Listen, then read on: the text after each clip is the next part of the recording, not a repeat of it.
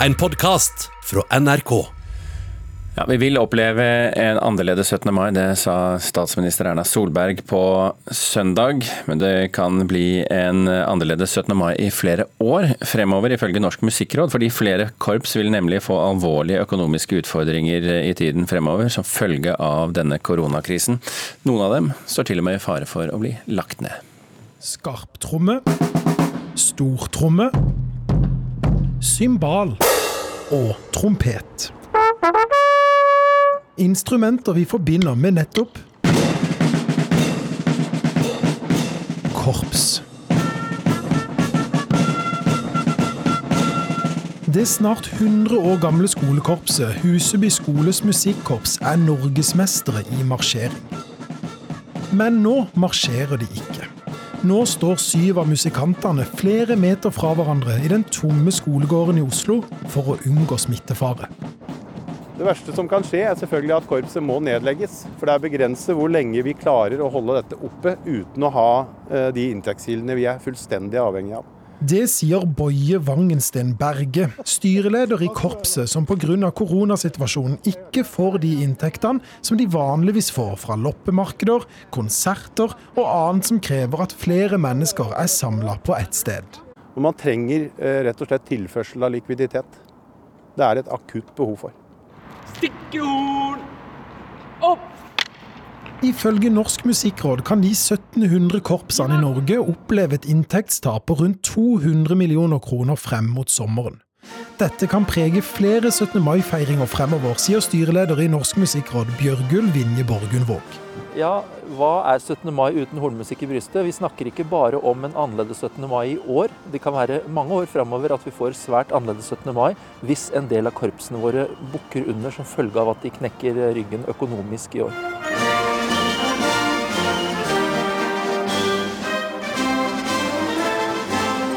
Regjeringen annonserte 18.3 en kompensasjonsordning som følge av at arrangementer må avlyses eller utsettes pga. pålegg fra helsemyndighetene. Men det er satt en grense på minst 50 deltakere for et arrangement for at man skal kunne få søke om kompensasjon. Nå frykter korpsbevegelsen at de vil gå glipp av denne muligheten, fordi mange av arrangementene har færre enn 50 deltakere, sier Borgenvåg. Det er utrolig viktig at krisepakken innrettes sånn at alle deler av frivilligheten eh, kan dekkes. Det betyr at også små lag og små arrangementer må få være med i de ordningene sånn som de utformes nå. Dette svarer kulturminister Abid Raja. Alle vi som har gått i barnetog sjøl som barn, eller som foreldre med barn, vet hvor viktig korpsene er. Så regjeringa kommer til å gjøre det vi kan for å redde korpsene. Vi har nå sagt at alle som har fått tilskudd, skal få beholde tilskuddene sine, selv om aktiviteten uteblir. Og så har vi også stilt til rådighet nå 600 millioner kroner som skal gå til idretten og til frivilligheten, deriblant nettopp korpsene. Dersom det viser seg at tiltakene ikke er nok, så er vi beredt til å stille opp med mer.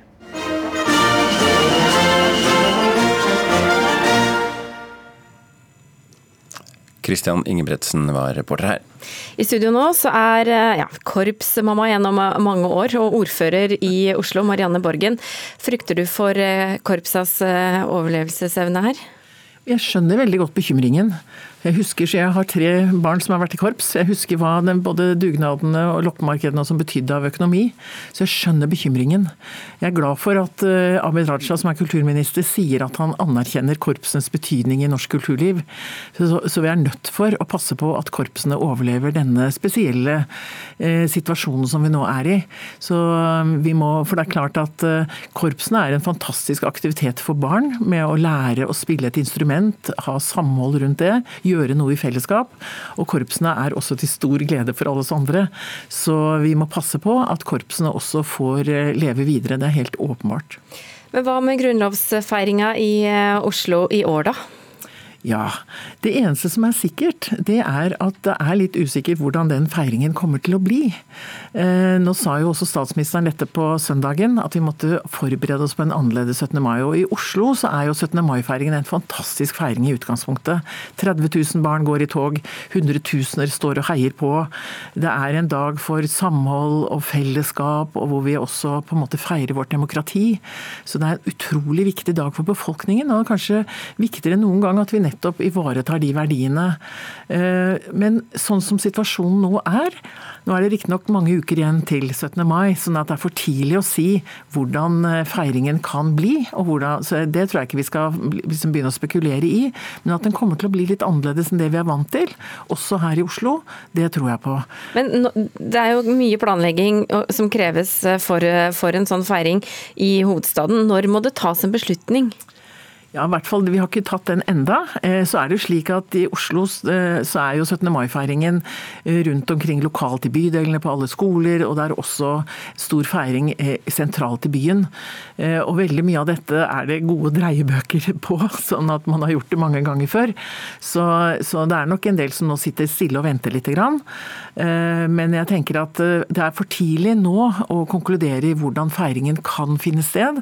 Det er veldig avhengig av hvordan vi nå klarer klarer å opptre eh, sammen framover i forhold til å følge de rådene vi får fra helsemyndighetene. vi må klare å holde avstand, vi må vaske hendene. Vi må liksom gjøre de tingene som er nå viktig. Og også hindre at det er for mange som er samla på ett sted. Og Hvis vi greier det nå framover, hvis vi holder ut, så tror jeg vi skal klare å komme et godt stykke videre til 17. mai. Men hva det får av konsekvenser for selve 17. mai-feiringen, det er for tidlig å si. Men det kommer til å bli litt annerledes. Det er jo noen som har foreslått eh, å også har en stor gruppe på Facebook som dreier seg om eh, feiring i august og september. Kan vi ikke bare flytte den dit, så har vi liksom gjort det? ja, jeg ser at det er noen som har foreslått det. For meg er 17. mai 17. mai. Og jeg tenker at eh, hvis det er slik at vi ikke kan feire på vanlig vis, så finner vi helt sikkert noen andre måter å markere dagen på i fellesskap og, og for å styrke samholdet vårt. Så jeg tenker at en eller annen form for feiring 17. mai kommer det til å bli i de tusen hjem, og jeg skal i hvert fall ha på meg bunad. Den skjorta skal strykes Den hos Marianne Borgen. Tusen takk, ordfører i Oslo, Marianne Borgen. I mean, this, this is unbelievable. There's no city like this in the world. You're in love with a fantasy. I'm in love with you. Ja, dette er eh, lyden fra den fine filmen 'Midnight in Paris' fra 2011, regissert av Woody Allen. Han er for tiden aktuell med både film og med utgivelse av sine memoarer, men eh, dette går jo ikke helt uten at det blir bråk, Oda Elise Svelstad. Den nyeste filmen til Woody Allen, 'A Rainy Day in New York', er nå tilgjengelig for å leie eller kjøpe digitalt. Men som du sier, veien dit har ikke vært en dans på roser. For i utgangspunktet ble filmen laga i 2018 for Amazon. Men i kjølvannet av metoo ble det på ny satt fokus på Allen og overgrepsskyldningene han fikk mot seg for 25 år siden. Allen har hele tida avvist skyldningene. Likevel trakk Amazon seg, noe som førte til svært begrensa distribusjon og eh, ingen kinopremiere her i Norge. Også to av hovedrolleinnehaverne i den nyeste filmen, Timothy Chalamet og Rebecca Hall, har i ettertid skrevet til fansen sin at de angrer på å jobbe med Ollen. Allen. Mm. Eh, men det er jo ikke, som sagt, bare filmen, med memoarene også? Ja, memoarene til Ellen, som har fått tittelen 'Apropos of Nothing', ble gitt ut i går gjennom et nytt forlag etter at det opprinnelige forlaget trakk seg. Boka skulle egentlig bli publisert 7.4, men da det opprinnelige forlaget hans annonserte dette i begynnelsen av mars, ble det møtt med sterk kritikk. Bl.a. forlot deres egne ansatte arbeidsplassen sin i protest. Også en av de sterkeste stemmene mot Allen, sonen hans Ronan Farrow, uttrykte sitt sinne på Twitter eh, den, eh, den dagen. Eh, det resulterte i at forlaget trakk seg, men i går ble boka gitt ut, nærmest i stillhet, kan en si, gjennom forlaget Arcade Publishing. Trass i at de ikke har markedsført noe som helst, har ubekrefta kilder uttrykt at opplaget, som var på 75 000 bøker, røk ut på 123 mye og stor oppmerksomhet og nysgjerrighet, ikke minst rundt eh, Woody Allen. Hva kan vi vente oss av denne boken? Ja, Forlaget skriver at eh, memoarene tar for seg barndommen hans i eh, Brooklyn. I tillegg blir vi kjent med karrieren hans, som omfatter både film, teater, TV og standup. Han skriver også om forhold og relasjonene han har hatt og har til familie og venner. Ok, Oda Elise Svelstad, takk for den inputen. Norske teatre eh, holder stengt, og de fleste av dem iallfall til over eh, påske. Det betyr mange kansellerte forestillinger og ja, litt skuffa publikummere som må innse at teaterbesøket ikke blei noe av. En av dem eh, er deg, teaterkritiker her i NRK, Karen Frøsland Nystøyl. Du er rett og slett her for å fortelle hva, hva som kan døyve teaterlengselen. Ja, jeg har, rett og slett gått til fjernsynsteater, jeg. Og så har jeg leita etter NRK-versjoner av forestillinger som skulle ha vært spilt nå, eller hatt premiere nå i disse dager. Og det må jeg si, det er jo litt av ei skattkiste, dette fjernsynsteatret. Ja, og Din jakta, hva, hva har du funnet? Blant annet så fant jeg Kong Lear av Shakespeare. Den spill, spiller jo holdt jeg på å si, ved Det Norske Teatret. Rakk bare noen få forestillinger før alt måtte stenge. Eh, og det er en veldig god forestilling. Men her finner du ganske fine ting i Fjernsynsteatret òg. En versjon fra 1985 som har mye fint ved seg. Jeg tenkte at vi skulle høre litt. Så ung og så ukjærlig. Så ung, min far. Og ærlig.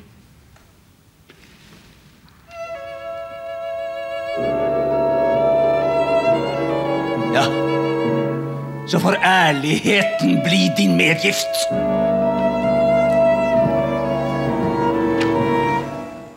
Ja, dette var Knut Vigert som kong Leo og Marianne Krogh som Cordelia, prinsessa, dattera hans. Det som er litt gøy, er at Marianne Krogh òg spiller i versjonen ved Det Norske Teatret, denne gangen da som jarlen av Gloster. Og musikken vi hørte er skrevet av Arne Norheim, og det må jeg bare si, den er så nydelig satt både til handlinga og til landskapet i denne oppsetninga, der mye av den faktisk er filma utendørs. Mm. Et annet tips er Villanden. Ja, Ibsen finner man jo i Fjernsynsteatret. Og både ved Det Norske Teatret og Teater Ibsen i Skien så skulle jo denne ha gått nå. Og hvis man hadde tenkt å se forestillinger ved Teater Ibsen, så bør man egentlig få med seg et fjernsynsteaterversjon uansett, mener jeg. For i Skien så er det et slags sånt rettssalsdrama der man skal ta stilling til skyldspørsmålet er Gregers, verdi, Gregers Verle skyldig i Hedvig Ekdals død. Og måten Espen Skjønberg spiller ut Gregers Verle på i denne ganske gamle fjernsynsteaterversjonen er ganske interessant. Tenkte vi skulle høre litt fra den òg. Jeg kan se på deg at det ikke er fullbrakt. Hva da? Det med villanen? Nei. Motet sviktet deg, kan jeg tenke.